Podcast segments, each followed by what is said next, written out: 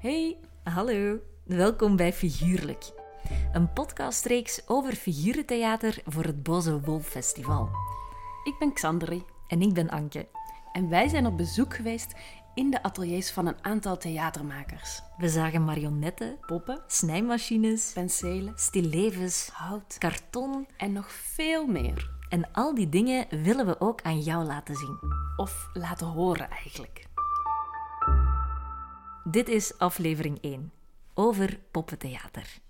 Poppenspel is heel oud. En van overal. We vinden het terug in China, India en Indonesië. Poppen deden altijd mee aan processies, stoeten en offers. Ze stonden voor godsdienst of magie. Ze waren een plaatsvervanger voor een mens, een dier of God. In België gaat het poppentheater terug tot aan de middeleeuwen. Tijdens de middeleeuwen brachten de mensen een groot deel van hun tijd door op publieke plaatsen, zoals markten en pleinen.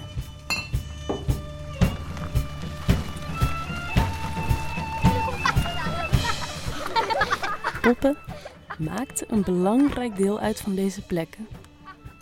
Ze waren de publiekstrekkers van tandartsen of kwakzalvers. Ook jongleurs, verhalenvertellers, minestrelen en goochelaars gebruikten poppen tijdens feesten en festivals. De kerk? Die was daar niet altijd blij mee. In 1601 werden in de buurt van Veelvoorde zelfs poppen tot de brandstapel veroordeeld. De poppenspeler Jaspar Kobbeniers en zijn vrouw Elisabeth werden beschuldigd van tovenarij. Ze verdedigden zichzelf door uit te leggen dat Jaspar de poppen zelf uit eenvoudig hout had gesneden. En dat Elisabeth ze eigenhandig had versierd en aangekleed. En dat het dus hun eigen handen waren die vliegensvlug hadden bewogen, en dus niet de duivel. Het mocht niet baten. Alle poppen werden verbrand.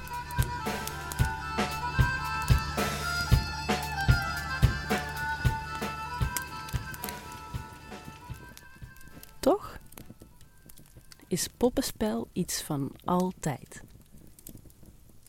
En daar gaat deze aflevering over. Over poppentheater.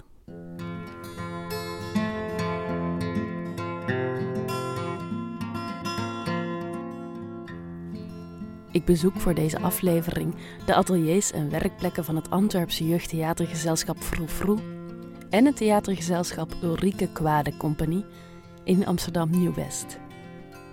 Allebei gezelschappen die werken met poppen. Vandaag komt erin. Ik ben Mark. En hier is Jan. Goedendag. Hi Jan. Dit zijn Mark Maillard en zijn broer Jan.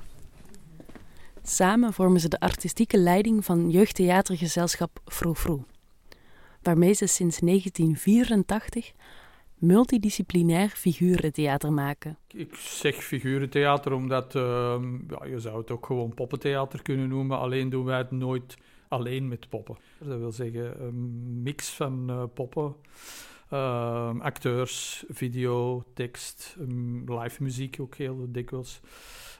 Dat is hoe wij theater maken.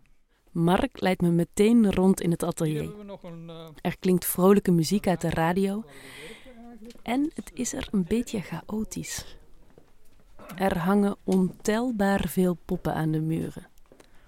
We worden omgeven door mallen handen en eh, voeten uit stukken moes en eh, willekeurige dingen die Mark en Jan misschien nog willen gebruiken voor een volgende voorstelling.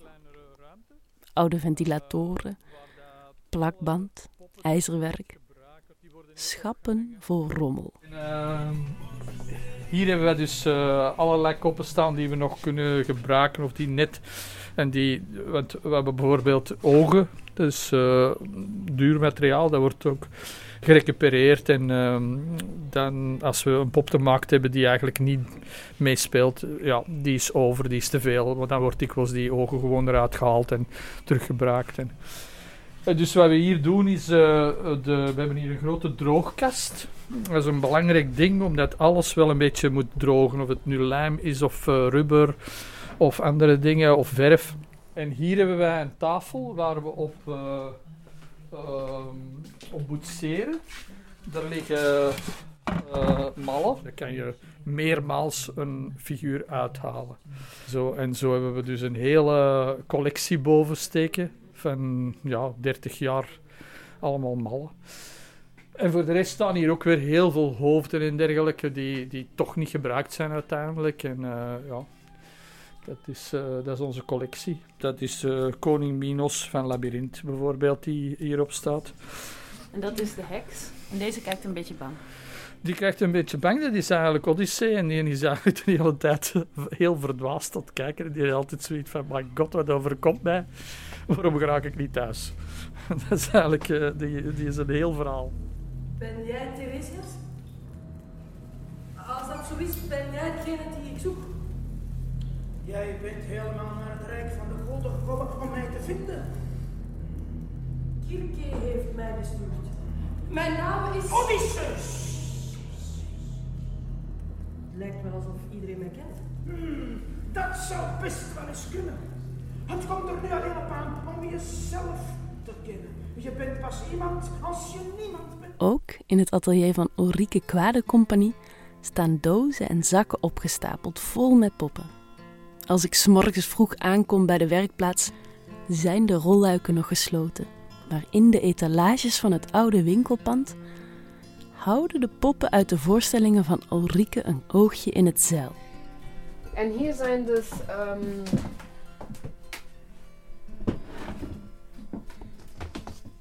nog heel veel meer poppen. Hier zitten wow. overal poppen in. En hier zijn dus ook um, zijn dus allemaal poppen uit Japan. Ja. Daarachter zitten allemaal poppen van een grote voorstelling die ik in, uh, bij het Stadtheater in Basel heb gemaakt. Coco Chanel. Hier is een real doll.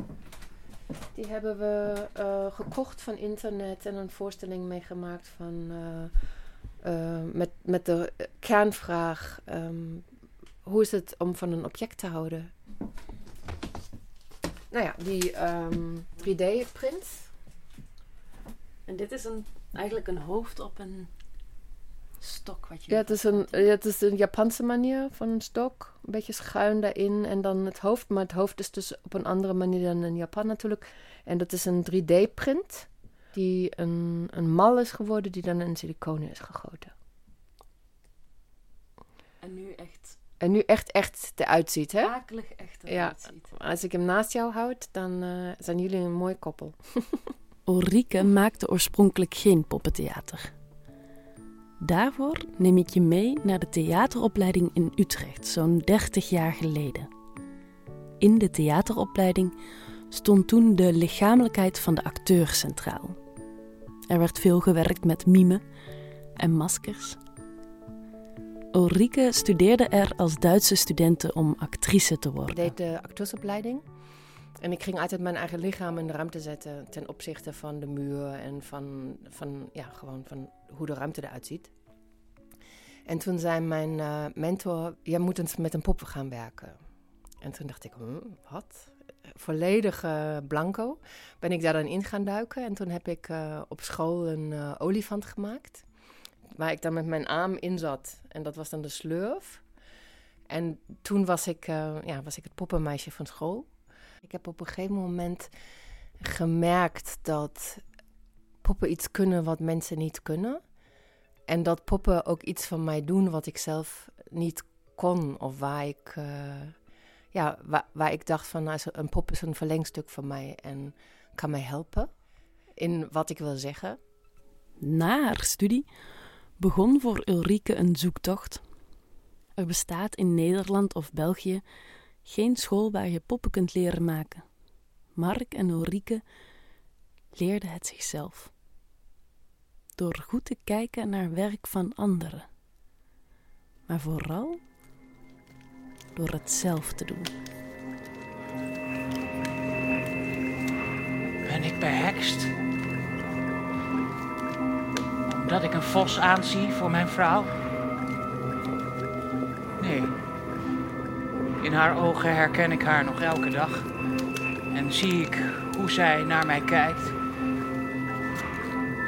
Zo vol berouw en diep verdriet. Ik had voorbeelden van mensen die dan poppen gingen bouwen. Die dan daar ook mee gingen spelen. Dus iedereen bouwde zijn eigen universum. En dat deed ik dus in de eerste 15 jaar ook. Want ik had...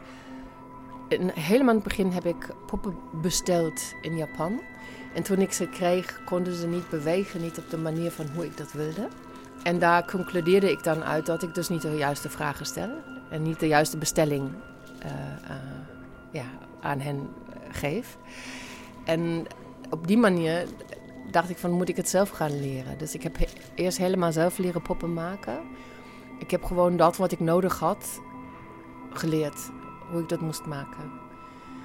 En dat was eerst zeg maar waren dat eh schuimrubberen poppen. Daaruit ben ik dan mijn, ja, steeds verder gaan ontwikkelen. En elke keer wat ik in de voorstelling nodig had, heb ik dan ontwikkeld. En iets van twaalf jaar later besefte ik dat ik in staat was om de poppenmaker in Japan, Watanabe Kazunori, om hem de juiste vragen te stellen. Van, kan jij, voor, kan jij dit en dit van mij maken? En toen kwam er van, wil jij dan dat en dat? En toen dacht ik, ah, wacht even, we zijn in gesprek. En sindsdien maakt hij ook veel poppen voor ons. Hoe begin je dan?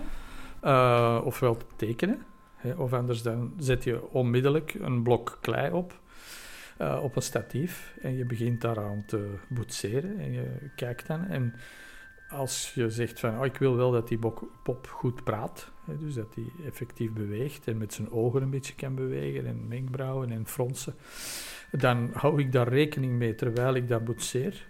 Hoe dat die mond gaat bewegen en zo, dat die open staat bijvoorbeeld al in het boetseren. En als dat klaar is en ik ben tevreden van die vorm, dan gaan we dat in een mal gieten. Dus dat wil zeggen dat we daar plaster op doen, op, dat, op die klei. Waardoor dat daarna, als we dan die mal open doen, want we doen dat in twee delen, we doen open die mal, en dan halen we die klei er allemaal uit. Dan zijn we wel dat geboetseerde model kwijt. Dat gaat gewoon terug in de kleibak, is weg. Maar ik heb die vorm wel, maar dan negatief. En van die negatieve vorm ga ik nu een positief maken. Wat wij dan doen voor een latexpop, is daar laagjes in beginnen leggen. De juiste kleur. En we zorgen dat op de plaatsen waar het hard moet zijn, bijvoorbeeld jukbeenderen, voorhoofd, al die plekken. In feite kan je dat gewoon aan je eigen hoofd voelen. Waar de beenderen zitten, daar zorgen we dat we verstevigingen hebben. Waar er geen beenderen zit, moet het, mag het puur latex blijven, rubber blijven. Het andere moet gewapend worden, bijvoorbeeld met doekjes erin te leggen of dikker, dikkere lagen te leggen. Als je dan die pop uit die mal haalt, dan heb je eigenlijk een, een vorm gemaakt, terug zoals je kleihoofd is, maar dan in rubber. En dat is de basis van je pop. En dan zet je er ogen in, zet je er haren op, ga je dat schilderen, ga je er ja, schminken of verven of whatever. Maar Venetië, wat is de wereld klein? Dan moet ik ook toevallig zijn. Zeg, is er nog plaats in uw boot? Jeugdtheatergezelschap Vroeg Vroeg en Ulrike Kwade Compagnie maken heel verschillend werk. Toch benoemen Mark en Ulrike allebei dezelfde kracht van poppenspel. En wat vooral fantastisch is aan poppen, dat is dat het iets is waar we allemaal ehm, op een of andere manier voor openstaan. Dat, dat we, het, is, het is iets universeel. Er is ook in heel de wereld geen enkel eh, soort mensen die niet met poppen of figuren of beelden aan de gang gaan. Eh, al is het om in een kerk te zetten, maar, maar dat is allemaal overal. En, eh, dus het, het, het is iets wat, wat echt elke mens in zich heeft om, om een figuur of een pop, of om, dat om daarvoor open te staan, om daarin te geloven. Ja, het is een soort magie. Een soort bezieling van, een soort... Zij, zij, kunnen iets doen voor het publiek of voor de ogen van het publiek. Waardoor, het- ik denk, zeg maar, ik zelf als publiek meer daarin kan. Omdat, ik, omdat het geen mens is. En de mensen die is, of ik als actrice zeg maar, ik zou altijd zeg, heel erg gecentreerd op mezelf zijn. Mijn probleem, mijn drama, mijn verhaal. En daardoor dat het een, um, een pop is, wordt het veel universeler. Het wordt groter. Het is niet meer ik of jij, het is gewoon de mens. En iedereen kan daar iets in zien, iets anders in zien. Of iets wat ik merk gewoon dat, dat werken met poppen bij het publiek allemaal hun eigen verhalen boven water haalt. In plaats van mijn verhaal, wat ik met hen deel. En dan wordt het dus groter dan ikzelf. Al meer dan 40 jaar maken Mark en zijn broer Jan poppentheater. Eerst nog in een oude drukkerij, later voor de televisie en nog weer later in hun eigen theater. Maar na de voorstelling krijgen ze al jaren dezelfde opmerking. Wat, wat een klassiek is, dat is dat na de voorstelling, ja, je vergeet al die spelers daarachter. Hè? Dat is ongelooflijk. En dat, dat, dat vertelt eigenlijk wat er gebeurt. Hè? Mensen zijn... Uh, ze willen in dat personage komen, ze willen dat geloven, ze willen die, die figuur uh, zijn avontuur nemen op zich en ze willen heel graag uh, dat allemaal daar rond vergeten. En, en die, die, want wij spelen soms met drie of vier acteurs ehm, die geen masker op hebben bespelen we die pop. Dus één heeft een hand vast, één heeft het hoofd vast. Onze spelers zijn, uh, zijn acteurs die gewoon met die pop spelen, die dat soms loslaten en dan als acteur verder gaan. En we, we mixen dat heel sterk door elkaar. Maar je hebt toch nog altijd dat, dat, uh, dat, dat, figuur, dat, dat figuur van die pop, wat eigenlijk toch maar een stuk rubber is in ons geval, met wat hout en, en stof rond dat dat uh, kan leven op een scène. Dat dat even krachtig een, een, een karakter kan zijn als die acteur daarnaast.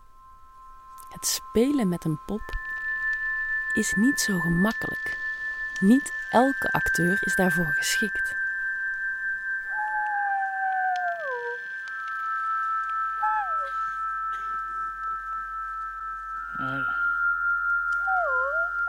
Ja, de, de honden die. Um die dachten dat jij echt een vos was. Dat, uh, dat is iets met de reuk. Ze weten niet beter. De ambacht is zorgen dat, dat iedereen gelooft dat dat stuk uh, hout of, of rubber, dat dat dus leeft. Dat dat, dat personage is en dat je daar vanaf het eerste moment dat die beweegt gewoon mee mee bent. Elke pop is anders. Hè? Dus je, wanneer je een pop hebt met de, gewoon een, vaste kop met een stok erin, dan, uh, dan is het de, beweging en zorgen dat, dat wanneer dat ik, dat ik voel dat hij dat die, dat die spreekt, dat hij aan het luisteren is, dat hij dat hij kijkt naar jou, dat hij verrast is. Dat, dat zijn dingen die, die, die zitten in, de, in kleine bewegingetjes van die zijn hand. Van zijn, eh, dat, dat is toch... Uh, ja, dat, dat is... Ja. Het, is, het is toch iets... Uh, een talent.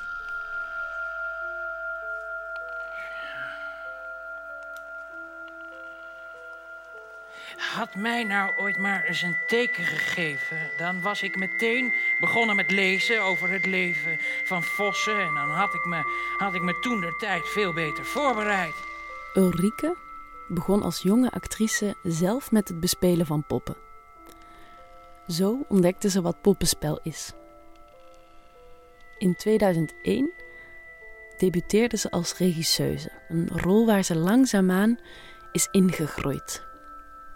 Inmiddels werkt ze alleen nog met acteurs, mimespelers en dansers. Toen ik zelf nog speelde, denk ik dat ik heel erg bezig was met uitzoeken van wat ik nou eigenlijk aan het doen ben. En wat het nou eigenlijk is. Want het is geen dans en het is ook geen acteren, het is iets anders. Ja, dus ik ben inderdaad op een gegeven moment overgegaan van zelf te spelen en mijn eigen universum te bouwen. Naar de, naar de regiekant. Dat is dan ineens heel anders, omdat er geen poppenspelers zijn. omdat ik natuurlijk mijn eigen poppen bespeelde, wist ik wat dat moest zijn, of tenminste, ik kon me daartoe verhouden. Was eigenlijk een geleidelijke weg. Was echt ja, een overgang van minstens tien jaar. Ja.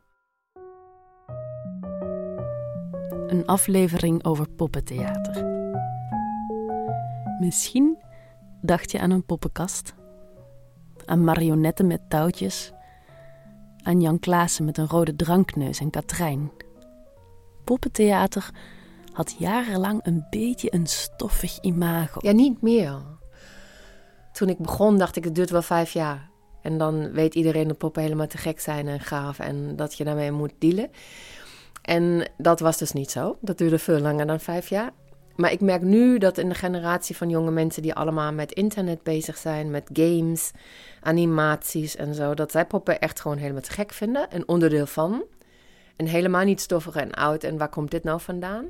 Maar dat het onderdeel is van de wereld waar wij in leven. De wereld waarin wij nu leven is in het werk van Ulrike steeds belangrijker geworden.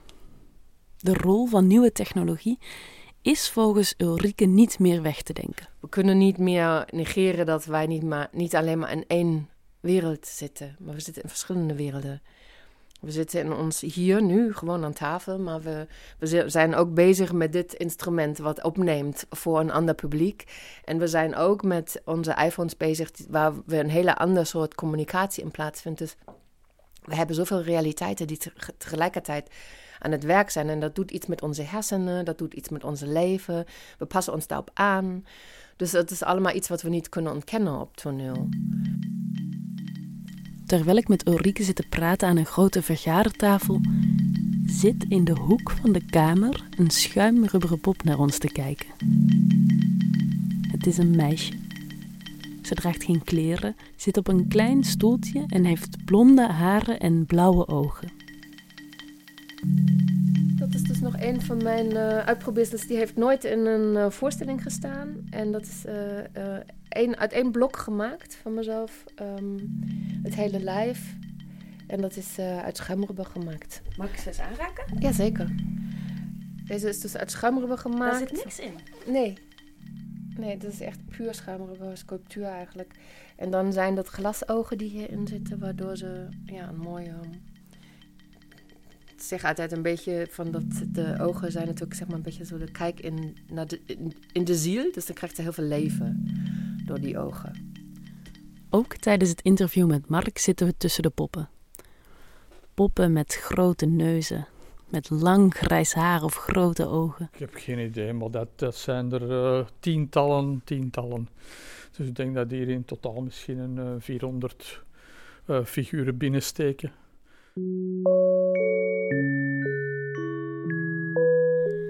Zonder dat ik het vraag, steken Ulrike en Mark hun hand in een pop. Terwijl ze de pop laten bewegen, ben ik plots een kind dat met open mond zit te kijken naar de magie die voor mijn ogen ontstaat. Dit is een podcast voor het Boze Wolf Festival. Een figurentheaterfestival dat in het jaar 2022 doorgaat van 1 maart tot 27 maart. Maaike van der Hagen, artistiek leider van CC Het Gasthuis, en Bart Ax, programmator van het Boze Wolf Festival, hebben nog een paar suggesties van poppentheatervoorstellingen die je dit jaar zeker moet gaan zien. Luister maar. Je absoluut moet komen kijken is Tiny Echoes van Make Man and Do. Dat is een gezelschap van het Engeland. En we hebben daar ook een tournee in Vlaanderen mee georganiseerd. Ook Leuven, Herend en Aarschot kan je komen kijken. En dat is echt een pareltje. En dat is een mix van eigenlijk figurentheater, animatie en muziek. Dus echt met een heel precieze manipulatie van de figuren en dan daar mooie muziek bij. En dat wordt dan geprojecteerd. Een andere voorstelling die je zou moeten zien is uh, de Automata Carousel van Geert Houtenkiet. We zijn uh, op atelierbezoek geweest bij Geert thuis. Uh... Een super ervaring eigenlijk bij hem thuis, want je ziet dan hoe dat hij alles maakt voor zijn Automata Carousel. En dat zijn houten figuren die je zelf mag manipuleren terwijl dat een carousel ronddraait op de markt hier in Aarschot. En het is uh, van een poëtische schoonheid, zo, dat die houten dingen iets vertellen, terwijl dat ze eigenlijk maar uh, een paar bewegingen op zich Een doen. miniatuurwereldje. Er zijn echt veertien hokjes en je kan met maximum vier mensen samen dan in zo'n hokje. En je weet niet wat dat er gaat gebeuren. En je moet ook nog aan een hendeltje draaien en dan komen die figuren tot leven. Het Boze Wolf Festival is dit jaar dus van 1 maart tot 28 maart. Op de website bozewolffestival.be kan je zien welke voorstellingen er spelen. Deze podcast werd mogelijk gemaakt door CC Het Gasthuis en de Zendelingen. De montage van deze aflevering gebeurde door mezelf. Ik ben Xandri van de Besselaar en ik bezocht ook de ateliers van de poppentheatermakers. Tot de volgende.